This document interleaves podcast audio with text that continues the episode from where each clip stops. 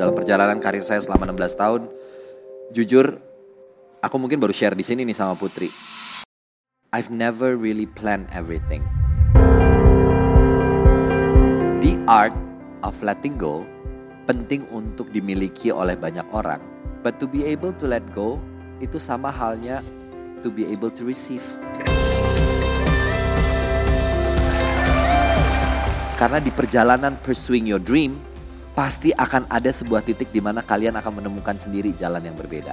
Kalau memang bukan ke sana, mungkin agak melenceng sedikit ke kanan, tapi menemukan direction yang baru.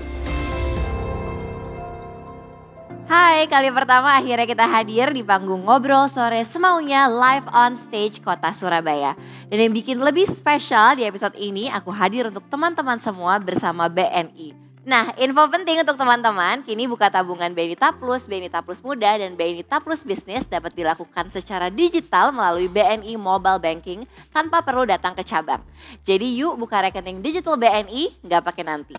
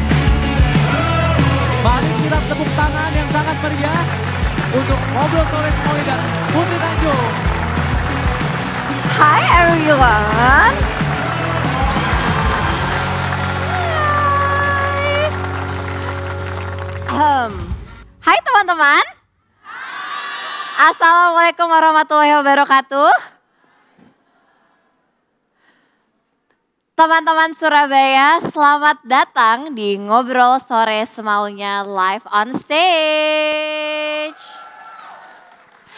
Bersama aku Putri Tanjung, hari ini sangat spesial teman-teman karena ini adalah pertama kalinya NSS melakukan uh, live on stage dan kota Surabaya adalah pilihan kami untuk pertama kalinya. Uh, dan sebenarnya cerita sedikit ya teman-teman, uh, udah pingin banget melakukan ngobrol sore semaunya live on stage dari 2021 tapi baru kesampaian di tahun 2022 ini. Semoga teman-teman semua terhibur dan bisa mendapatkan insight-insight baru di ngobrol sore semuanya live on stage Surabaya. Um, dan seneng banget hari ini aku akan mengawali obrolanku bersama seseorang yang sangat multi talenta, sangat luar biasa. Aku sebenarnya baru kenal nggak belum terlalu lama, baru kenal sekitar setahun tapi cukup intens karena aku juga kerja bareng sama beliau and I'm actually very blessed um, bisa ketemu sama orang ini, very blessed juga uh, bisa berteman dengan beliau. Jadi without further ado, mari kita berikan tepuk tangan yang sangat luar biasa kencang untuk Reza Rahardian.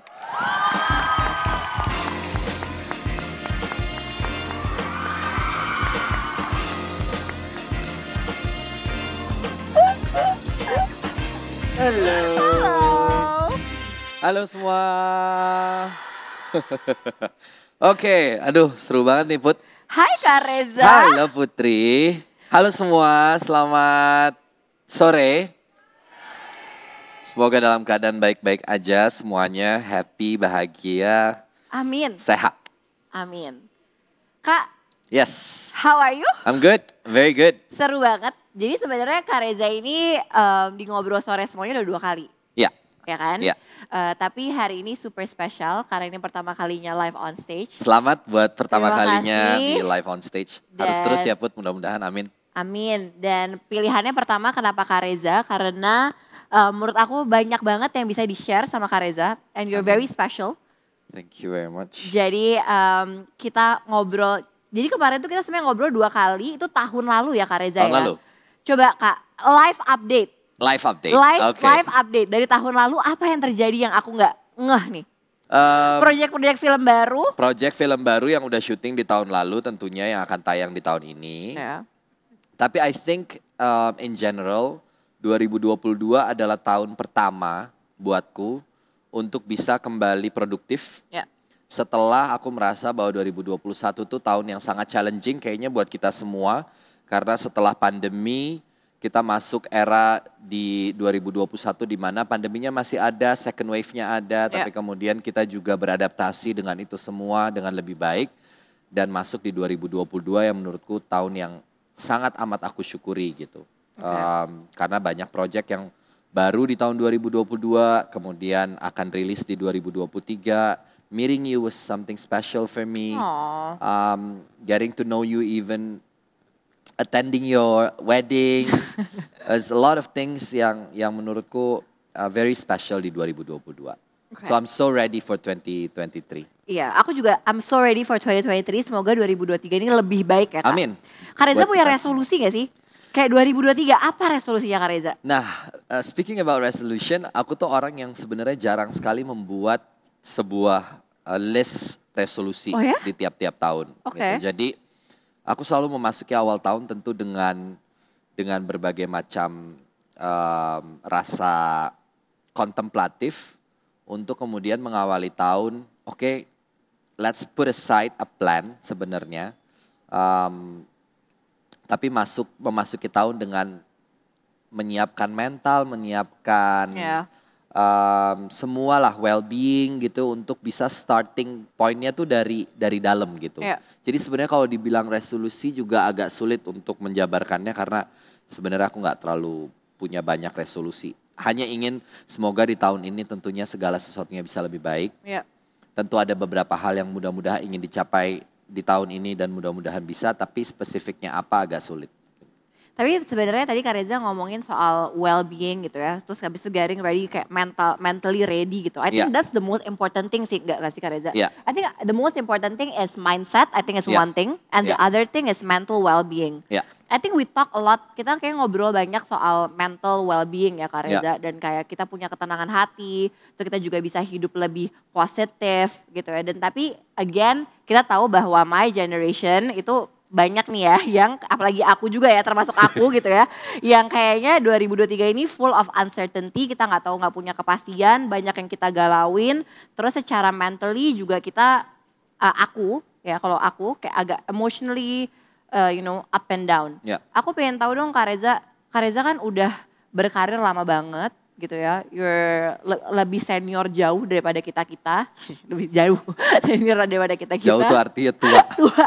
How how do you gimana caranya nge-manage kayak biar bisa tahu kayak oke, you know, kayaknya kita harus bisa mentally lebih healthy nih gitu. Ya, sebenarnya kan em, mental yang sehat itu dimulai dari dari pola hidup yang baik. Ya.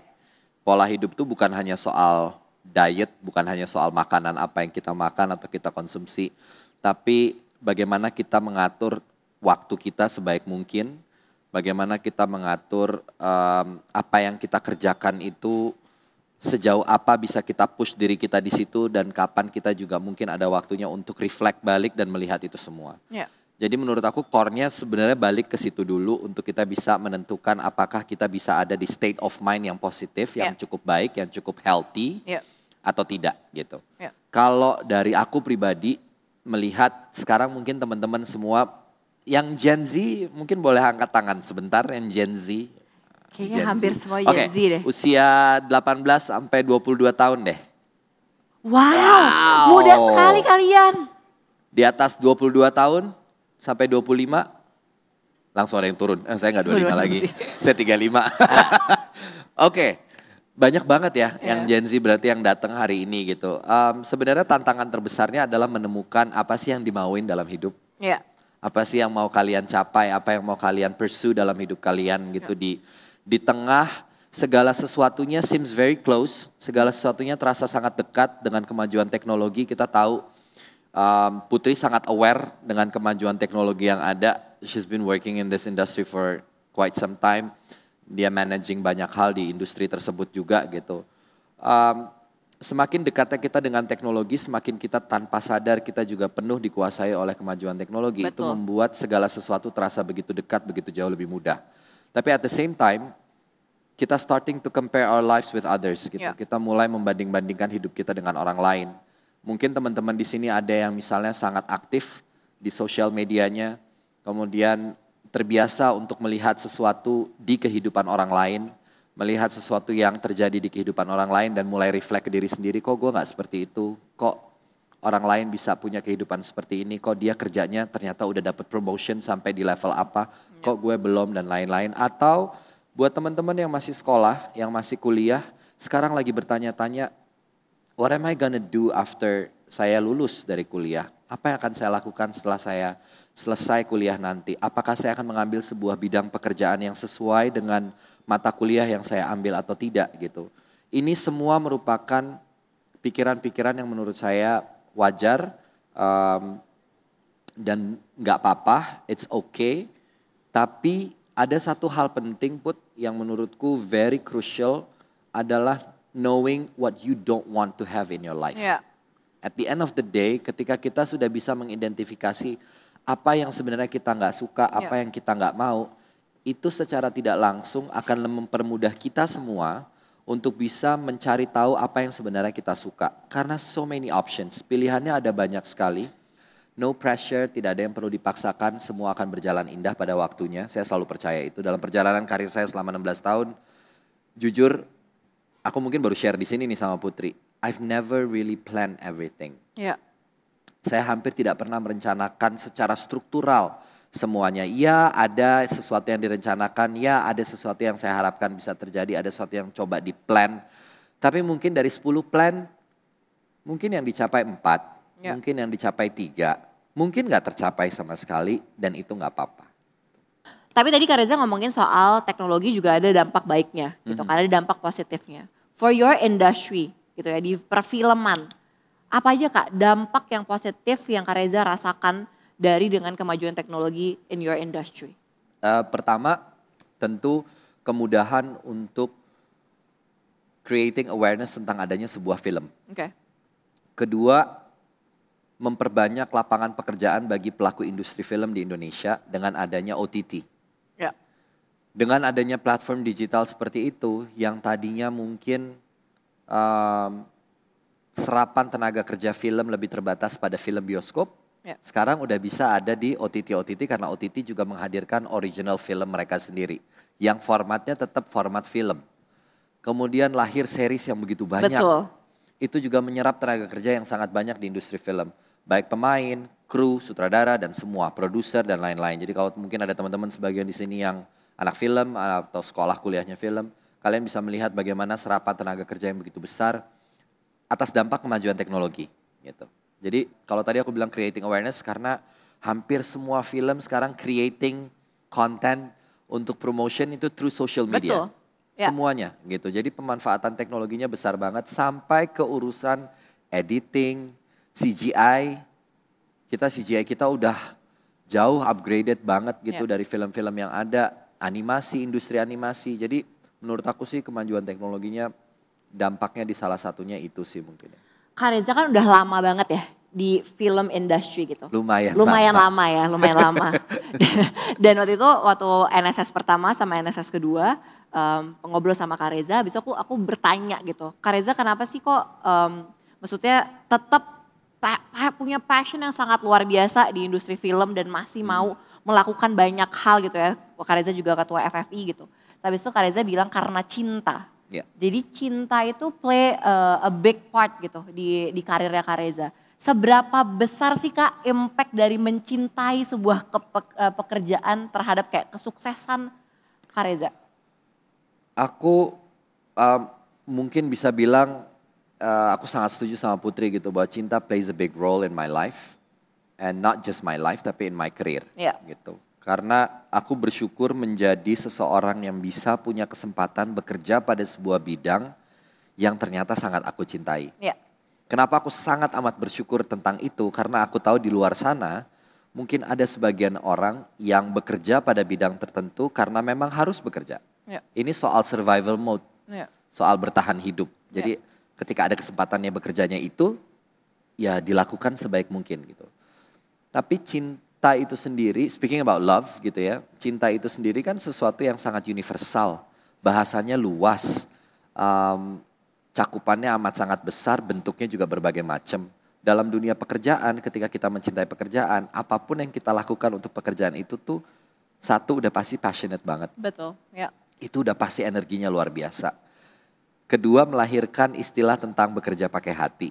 Ya. Gitu. Kalau orang bilang kerja tuh pakai hati, ya pasti gitu.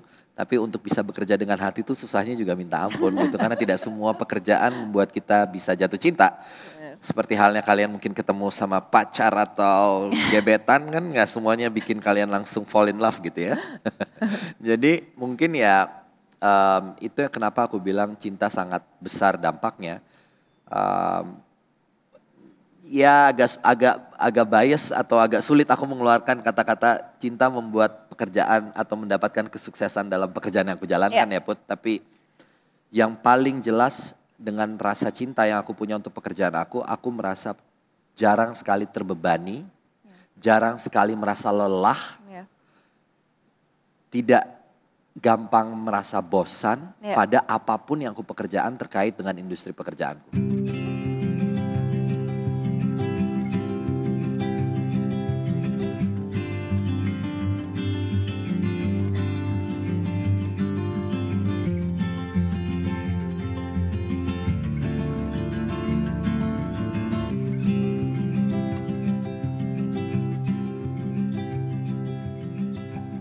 Reza tadi Kak Reza ngomongin soal um, love terhadap karir dan pekerjaan Kak Reza dan Kak Reza bilang oke kalau misalkan uh, apa namanya ya, pasti di perjalanan cinta itu ada sedihnya, ada marahnya, ada Kecewanya. sakitnya, ada kecewanya gitu Ya. ya. Ya kayak semuanya lah ya nggak harus karir di hidup Hidup pun begitu. hidup pun pasti kayak gitu.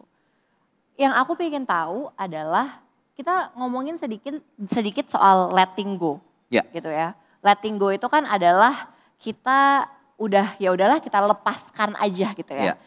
Dan menurut aku sekarang tuh di di maksudnya di my generations gitu ya. I think letting go tuh kadang-kadang em, agak buruk gitu kata-katanya. Letting go melepaskan sesuatu seakan-akan menyerah gitu ya. Iya. Cuma kadang-kadang sebenarnya letting go of things yang bikin kita sakit atau bikin kita marah is actually also good for us. Ya.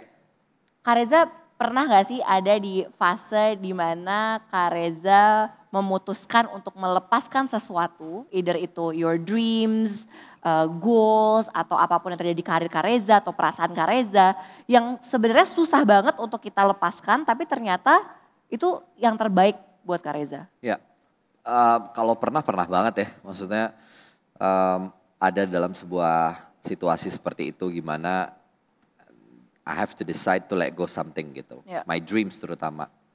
Em, waktu usia remaja bermimpi menjadi seorang professional athlete Oke. di dunia renang, Oke. cabang olahraga renang. Tahapannya sudah dijalani, latihannya udah dijalani, masuk kompetisinya udah sampai tingkat daerah. Wah, ini selangkah lagi menuju tingkat nasional, platnas. Oke. Ternyata gagal. Eh, itu mimpi besar untuk anak waktu Reza us- umur 15-16 tahun. Itu mimpi besarnya adalah menjadi perenang profesional. Ya. Gitu. Um, baru aku sadari kemudian karena di umur itu aku nggak tahu caranya let go kayak gimana. Iya. I don't know. Ya. Yang yang aku punya cuma satu, kecewa. Ya. Kecewa, sedih, marah. Ya. Cuman itu.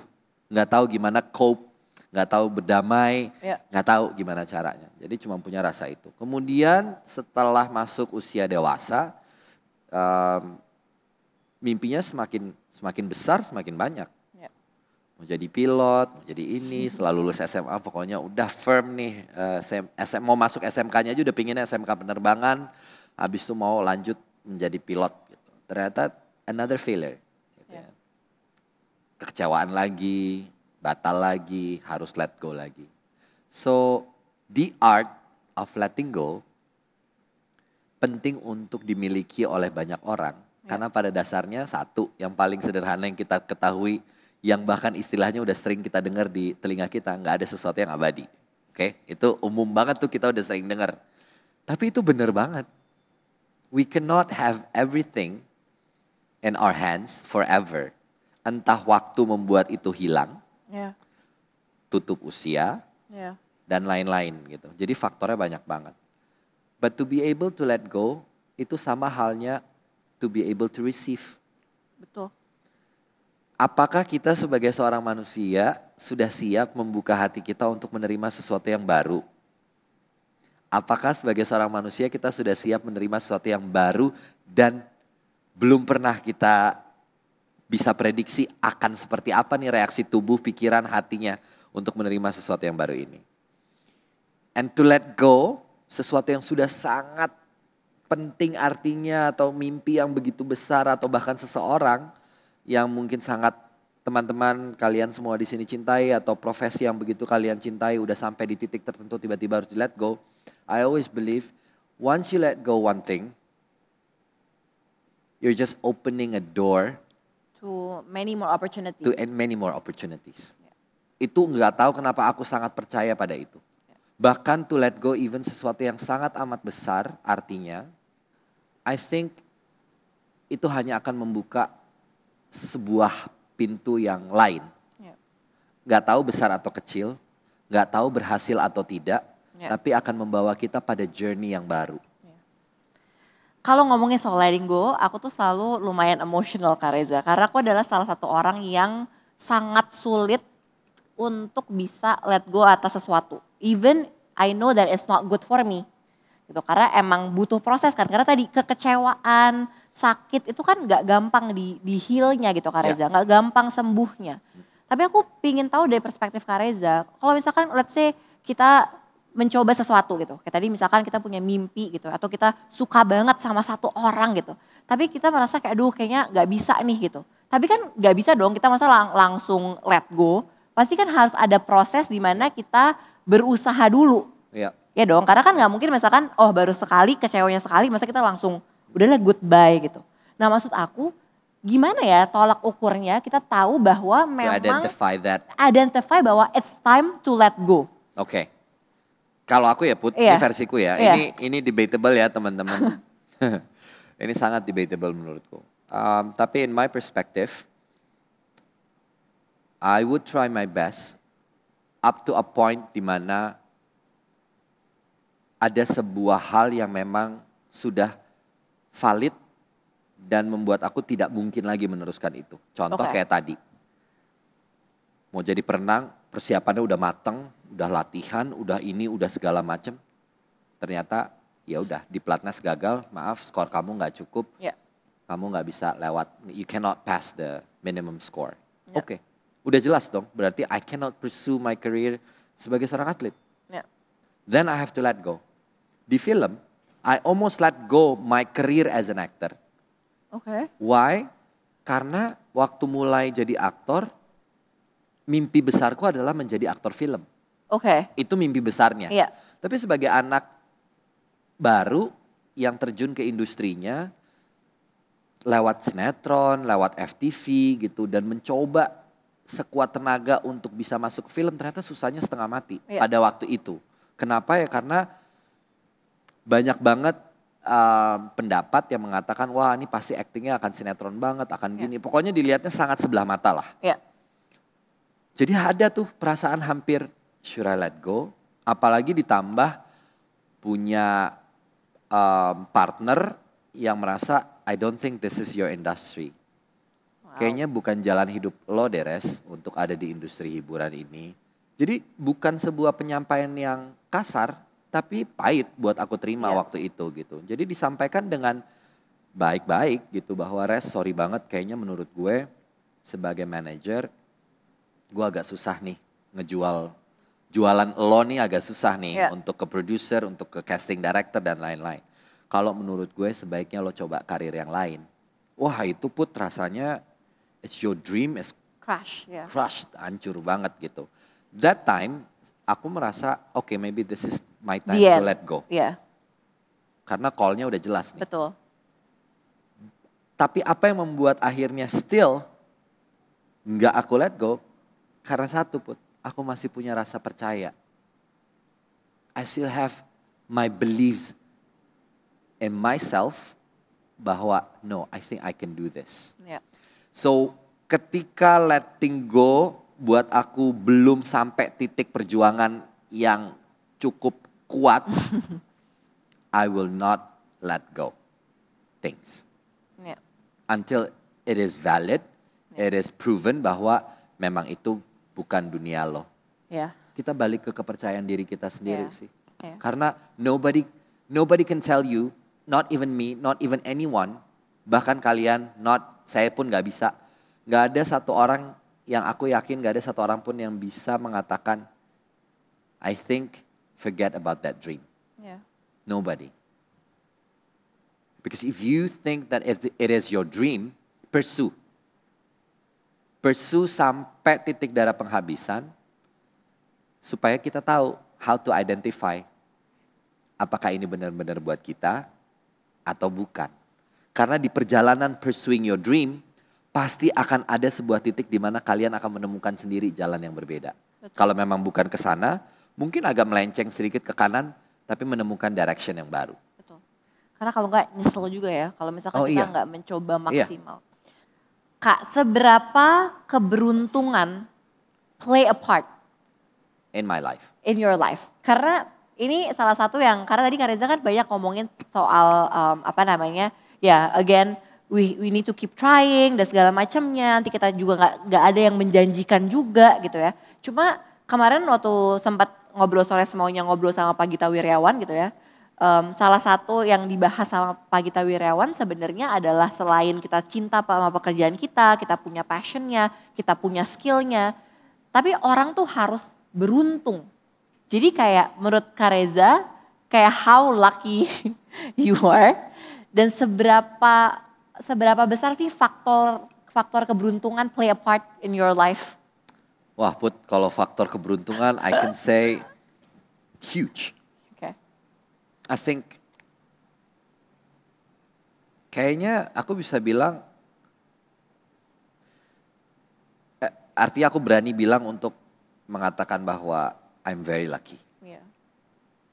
So it plays a big big role. Iya. Iya, aku bekerja keras. Iya, aku berusaha bekerja dengan baik. Tapi itu sama halnya dengan banyak orang lain yang juga bekerja keras. So you're not special on that. I agree. Iya dong. I agree. Kalau kita ngomongin tentang kerja keras, saya bekerja keras. Makanya saya bisa ada di posisi saya sekarang. Ada orang yang bekerja keras yang Dia mungkin keras. double, Iya. belum tentu mencapai posisinya juga. Betul. Jadi semua orang juga banyak yang memang lagi bekerja keras sama seperti halnya. So aku nggak berani berpikir bahwa oh I'm very special because I work really hard. Iya. Or I'm just aku atau aku bilang oh ya saya bisa sekarang pure karena 99,9% saya kerja keras. Gitu. Iya. I do work very hard as much as I can do. Iya. But luck itu kan udah urusan yang kita nggak bisa ukur ya Put. Betul. Um, I think mungkin aku I, I'll put it this way. I'm blessed. Yeah. I'm blessed to have people around me, my family especially, um, my friends, my colleague at work. I'm blessed that I have, of course, yang maha semuanya.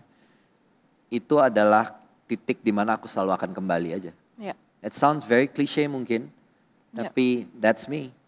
I'm, Yeah. I'm gotta be honest gitu. It's, I cannot, aku nggak bisa bilang semua hal terjadi hanya karena hard work. I agree. So yeah, I agree. very. I think I Okay. consider myself Very lucky. very lucky, Iya. very very lucky. Ya. Dan aku juga, aku senang banget tadi poin Kak Reza bilang kayak, oke kalau misalkan kita bilang we work hard, ada orang lain yang work harder than us gitu ya. Itu udah, Definitely. itu definitely itu udah, udah, udah, udah pasti. Makanya kadang-kadang tuh suka berpikir ya Kak Reza, kayak I think it's very important untuk kita juga tahu bahwa semua orang tuh punya timeline-nya masing-masing. Correct. Ya kan, semua orang punya timeline-nya masing-masing, semua orang punya privilege-nya masing-masing, dan semua orang punya ceritanya masing-masing. Iya. Jadi emang by the end of the day, ya kita kalau mau bandingin diri kita sama orang lain, maksudnya bandingin dalam quote, eh, quote unquote negatif ya, Iya. kayak oh kok dia udah sampai sana, kok gue belum dan segala Iya. macam ya. Again, itu banyak hal yang play a part, Iya. ya nggak sih Kak Reza? Iya. Faktor keberuntungan, privilege, how how hard they work, dan masih banyak lagi. Jadi I think what we need to focus is ya diri kita sendiri kan. Iya, pada akhirnya eh, itu bukan Pada selfish akhirnya. ya. Iya. Itu sangat loh, Put, aku rasa itu bukan, bahkan itu tidak bisa di considered selfish.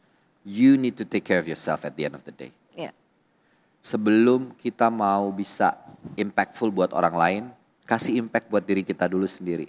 Apa sih impact yang kita bisa kasih? Untuk diri kita Untuk sendiri. diri kita sendiri. Sudahkah kita bekerja dengan benar? Sudahkah betul-betul kita sudah fokus yang sangat besar pada diri kita sendiri untuk meningkatkan diri kita? Sudahkah kita fokus pada hal-hal yang penting untuk diri kita? Kalau itu belum, Iya. lupakan hal-hal lain yang ingin kita capai karena ternyata kita aja nggak, we don't even care sama diri kita sendiri. We're still a mess.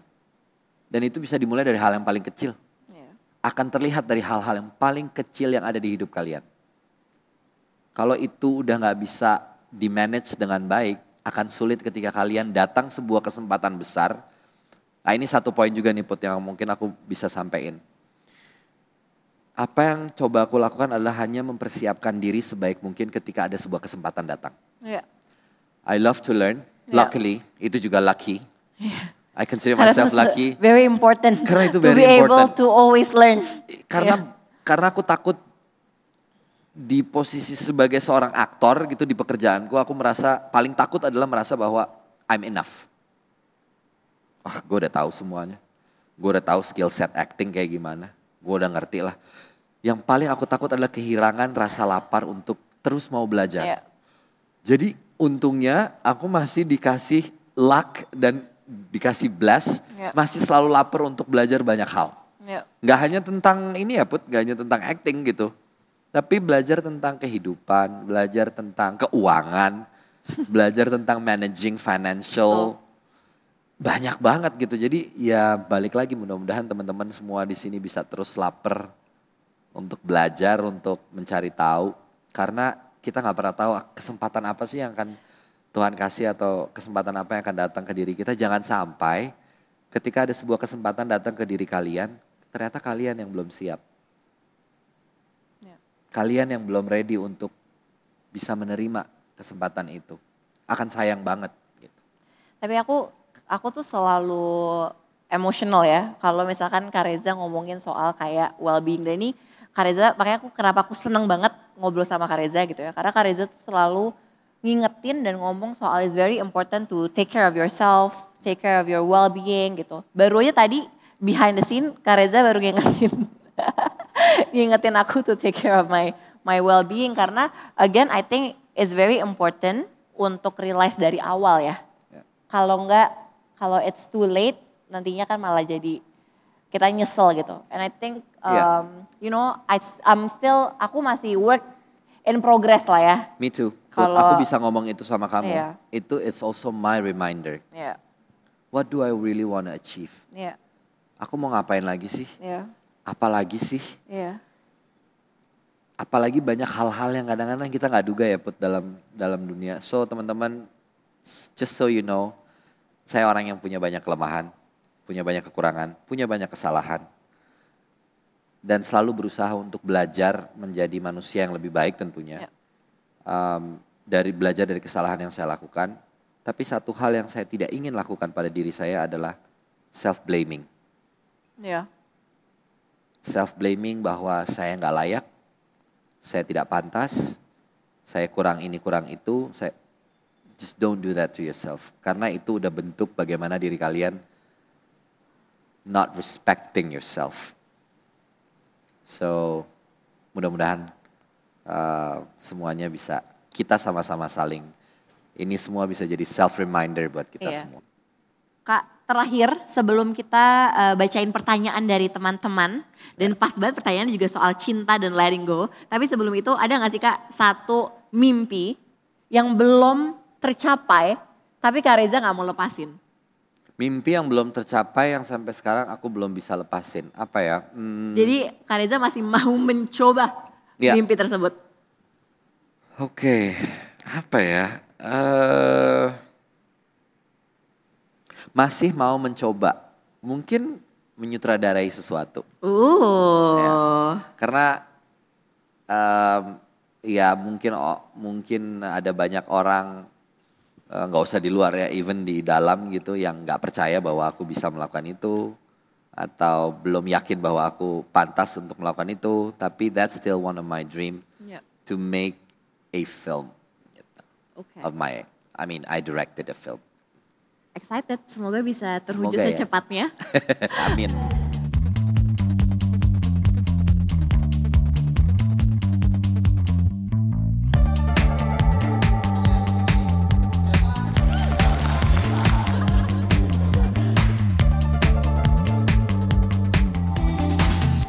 Kita langsung ke pertanyaan dari teman-teman. Oke, Yes. pertanyaan pertama. Bagaimana caranya kita mengetahui bahwa diri kita sudah melakukan yang semaksimal mungkin? Bagaimana cara diri kita mengetahui bahwa kita sudah melakukan sesuatu semaksimal mungkin saat diri kita sudah mulai mengirimkan sinyal-sinyal untuk berhenti, Wow, oke. ya? Oh, Karena interesting. karena s- aku aku percaya itu semua datangnya sinyal itu akan diberikan sama diri kita sendiri. Betul. Contoh, em, ini urusannya mungkin lebih agak ke kesehatan sedikit ya. Iya. Kenapa seseorang tiba-tiba bisa timbul gejala-gejala sesuatu entah di kulit, entah di dalam organ tubuh dan segala macam. Your body is actually sending you a message. Betul. Karena 70%, 70%, saya lupa nih sumber datanya dari mana. Saya baru baru lihat kemarin. 70% dari penyakit yang muncul dalam diri kita itu berasal dari pikiran, makanan yang kita makan, asupan ya, pikiran yang kita cerna, semua hal yang kita lakukan dalam kehidupan kita sehari-hari itu merupakan faktor penentu whether we can be a healthy person or not. Gitu. Ya. So ketika kalian udah berusaha sebaik mungkin untuk melakukan sesuatu yang udah mulai involving stressful dan segala macam, tubuhnya akan dengan sendirinya sebenarnya mengirimkan sinyal. Now, yang harus kita peka adalah do we want to look to that signal? Iya. Are we paying attention enough sama tubuh kita sendiri? Balik lagi ke situ, Put. Iya betul. Apakah kita mau memperhatikan sinyal-sinyal yang udah tubuh kita kasih nih? Iya. Misalnya tiba-tiba kalian kerja udah semaksimal mungkin and overwork.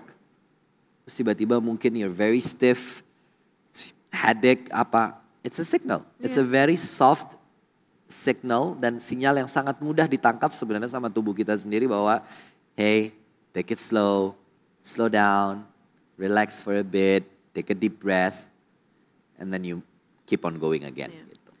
Yang paling penting sebenarnya dengerin badan ya Kak Reza. Dengerin badan, Dengerin badan. dengerin badan. Oke, pertanyaan selanjutnya eh, dari penonton di sini adalah gimana menghadapi mantan yang masih sayang sama kita? Siapa Syukur. nih pertanyaannya? Syukuri. Gimana menghadapi mantan yang masih sayang sama kita? Kalau aku syukuri bahwa berarti minimal tidak dibenci sama mantan.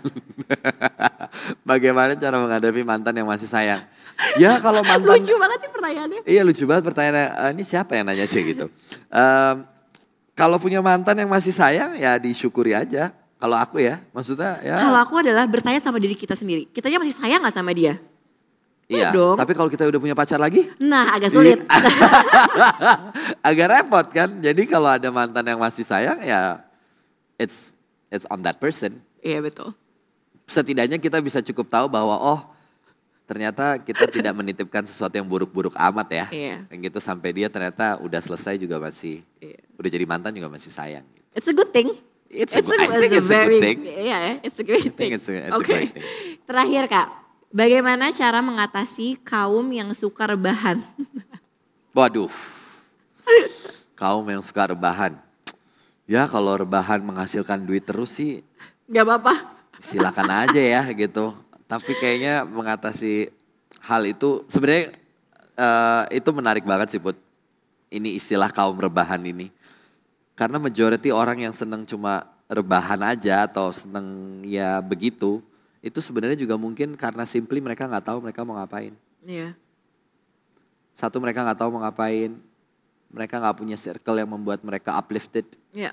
mereka nggak punya ini ini pentingnya ya teman-teman ini juga penting banget menurut saya Um, kaum rebahan adalah orang-orang yang mungkin juga nggak punya lingkaran pertemanan yang cukup sehat Iya. karena dia menghadapi semuanya sendiri mungkin sehingga rebahan adalah jalan terbaik cause life is too boring Iya. buat orang tersebut Iya. gitu jadi kayaknya seruan rebahan tapi pada akhirnya lama-lama kita akan mulai menyadari bahwa rebahan aja juga nggak akan sehat dan nggak akan bawa kita ke mana-mana.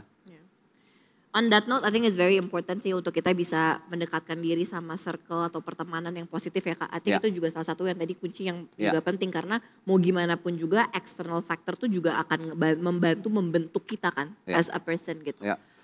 Oke, eh, aku mau buka sesi untuk teman-teman langsung bertanya dua aja itu kayak mbak yang paling yang ya itu silakan. Namanya siapa dan pertanyaannya apa? Eh, selamat sore semuanya. Selamat, selamat sore. Selamat Perkenal- sore. Perkenalkan nama saya Rosi. Eh, sekarang saya menempuh pendidikan di Universitas Katolik Widya Mandala Surabaya. Di sini saya ingin bertanya kepada Kak Reza dan juga Kak Putri.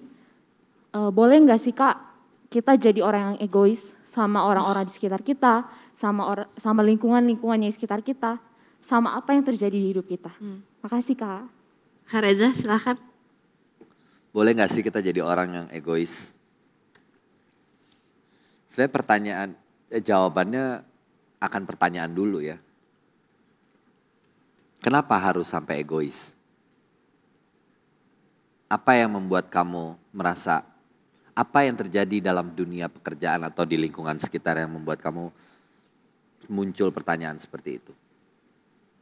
Mungkin If you don't mind. Mungkin karena terkadang kita ketemu sama orang yang mereka tuh ngomong atau mereka ngelakuin sesuatu tanpa mereka pikir apa akibat dari apa yang mereka lakukan atau apa yang mereka katakan. Oke. Mungkin menurut mereka itu baik tapi bukan untuk kita. Iya. Jadi kita juga merasa tersinggung dengan apa yang mereka Oke. katakan. Valid. Thank you ya. Makasih Kak. Thank you banget loh. Thank you banget pertanyaannya. Bagus banget. Oke. Rosi, tadi apa yang Rosi bilang menurut saya sangat sangat valid gitu ya. Udah sangat clear bahwa ada di lingkungan yang seperti itu kalau terus pertanyaannya jadi boleh kita egois nggak? Boleh-boleh aja. Menurut saya nggak ada yang salah dengan itu. Karena pada akhirnya sebagai seorang manusia, sebagai seorang pribadi, em, Rosi yang paling tahu. Badan, tubuh, pikiran Rosi. Nggak ada orang lain yang lebih tahu tentang struggle yang mungkin kamu punya. Ya. Karena orang lain cuma bisa ngomong. Orang lain cuma bisa memberikan opininya. Kalau opini ini datang atas pertanyaan Rosi sendiri kepada sahabat, yang mungkin berbeda pendapat, itu lain hal. Tapi kalau omongan-omongan orang luar yang hadir terus dalam sebuah lingkungan yang sebenarnya mungkin memang ternyata tidak sehat, yang Rosi bisa pertimbangkan untuk diri Rosi sendiri adalah egois dalam bentuk yang seperti apa. Karena egois itu juga macam-macam. Ego itu macam-macam. Kalau keputusan egonya Rosi adalah to step out dari zona yang seperti itu, then step out. Ya. Don't hesitate untuk step out. Because you deserve better. You deserve a better circle. Gitu. Jadi kalau emang udah ngerasa bahwa lingkungannya memberikan statement atau judgment atau bahkan opini-opini yang sangat tidak peduli sama apa yang sebenarnya Rosi rasakan berarti kan bukan lingkungan yang cukup baik. Why why would you stay? Unless this is speaking about work. Kadang ada banyak orang yang bilang, saya banyak ketemu sama orang yang bilang, saya kerja di sebuah bidang, Kak, lingkungan kerjanya cukup toksik. Tapi ini satu-satunya pekerjaan yang saat ini saya nggak berani lepas, nggak berani let go. Karena saya nggak tahu apakah habis ini saya akan mudah sekali ketemu pekerjaan lain atau tidak. Sementara saya punya kebutuhan memenuhi kebutuhan keluarga dan lain-lain dan lain-lain. Jadi nggak gampang juga kak buat saya pindah aja cabut lingkungannya toxic gitu. First of all, either you can be the sun atau kamu jadi masuk ke dalam sesuatu yang toxic. Saya percaya bahwa dalam sebuah lingkungan pekerjaan yang toxic, kamu bisa masih bisa menjadi terang di dalam situ. You can you can be the gold in that kind of circle. Yang mudah-mudahan itu justru jadi dorongan yang positif. That's ego. Aku mungkin nambahin sedikit ya Kak Ya, Reza, tapi itu tadi udah beautifully um, dibalas gitu. Menurut aku, again, kalau menurut aku tergantung tadi benernya situasi. Cuma kalau tadi mendengar dari Kak Reza yang udah ngomongin soal let go, terus ngomongin soal giving up on something yang is not good for you gitu. Itu kan sebenarnya ada ada ada ego yang play a part sebenarnya. Iya. Jadi I think selama kita memilih sesuatu yang menurut kita itu terbaik untuk diri kita, menurut aku itu nggak egois. Nggak. Dulu aku sempat berpikir kayak gitu. Jadi dulu aku sempat berpikir bahwa apa yang aku lakukan itu harus please semua orang. Tapi yang aku lupa dan yang paling terpenting adalah diri aku sendiri. Jadi aku nggak pernah mikirin apa yang sebenarnya baik buat aku ya. Apa yang sebenarnya menyenangkan ya buat aku. I constantly please everyone around me. Gitu. And I think akhirnya to a, to a point sampai aku sadar bahwa oh it's not healthy for me. Uh, gue nangis setiap malam buat apa, gue menyesali apa pun terlalu sering buat apa juga. Jadi aku habis itu merasa bahwa oh I now um, kayaknya aku lebih lebih mau gitu ya, lebih mau egois gitu untuk diri aku sendiri gitu. Selama itu yang terbaik buat kita, selama kita memikirkan tadi our well-being, Yeah. sama tidak merugikan orang lain. I think Yeah. that's the most important thing. Iya. Karena bal- balik lagi sih, kenapa tadi saya mengakhiri itu dengan kata ego, cause nothing's wrong with ego, Iya, Rossi. Gak ada Iya. yang salah dengan ego. Egois itu hal yang berbeda. Tapi ego itself, there's nothing wrong with it. iya, Karena pada akhirnya semua orang akan punya egonya masing-masing dan it's Betul. okay. As Yes. long as you know kapan menempatkan itu pada porsi yang tepat, pada Betul. waktu, situasi dan tempat yang tepat. betul. Kalau enggak, mungkin semuanya akan menjadi berbeda cerita. Itu kayak tadi end up very beautifully dan dan menurut aku juga tadi Kak Reza ngomong bahwa I think justru itu adalah ke kelebihan manusia karena manusia itu diberikan untuk kita tuh punya ego. Iya. And I think dengan kita bisa membalance our ego justru itu menjadi sesuatu yang yang Iya. baik gitu ya Kak Reza buat Ya, kita. dan sometimes it brings you somewhere. Yes, I agree. Oke, uh, last question karena udah habis waktunya kita sudah ngobrol Masa lama sih? banget, gak ngerasa ya? Jam berapa sih? Jam berapa? Jam berapa? satu jam, Kak Reza. Woi. Oke, Terakhir, biasanya kalau di ngobrol sore, oh maaf teman-teman udah gak ada waktu lagi, jadi ini aku ke pertanyaan yang paling terakhir. Kalau di ngobrol sore semaunya, biasanya aku selalu bertanya sama narasumber aku, pingin ngomong apa, pingin menyampaikan apa ke lima tahun um, mendatang gitu ya. Sekarang pertanyaan diubah. aduh. Apa hal yang Kak Reza ingin sampaikan ke diri sendiri di lima tahun lalu? Jadi kalau Kak Reza lima tahun lalu lagi nonton, Ya. apa yang Kak Reza sekarang mau sampaikan? Wow, tough question. Di lima tahun lalu kalau ada sesuatu yang ingin saya sampaikan ke diri saya sendiri adalah Reza bikin habit yang baru. Karena em, bikin habit positif yang baru. Lakukan hal-hal yang tidak pernah kamu lakukan sebelumnya. Ya. Dan hal-hal yang sangat sederhana seperti memiliki rutinitas di tengah sesuatu yang mungkin menyibukkan. Olahraga, Iya. makan makanan yang mungkin lebih sehat, yang tidak harus mahal tentunya gitu ya. Em, kebiasaan creating kebiasaan-kebiasaan kecil itu pasti adalah sesuatu yang aku juga akan aku sampaikan. Kedua, berani mengambil sebuah keputusan yang mungkin besar konsekuensinya Iya. dalam hidup, yang bahkan kamu nggak tahu Reza konsekuensinya akan baik atau buruk. Mungkin itu dua hal yang akan aku sampaikan ke diri aku lima tahun lalu. Oke, Kak Reza, I just want to say thank you so much Thank you so much. for being here. You're very Thank you special. I love you. Dan terima kasih teman-teman yang sudah nonton Ngobrol Sore Semaunya, yang sudah setia selalu nonton Ngobrol Sore Semaunya. Jangan lupa untuk subscribe, like, dan share. Dan jangan lupa untuk terus nonton Ngobrol Sore Semaunya setiap hari Kamis hanya di CXO Media jam 6 sore pastinya. Bye-bye. Terima kasih teman-teman.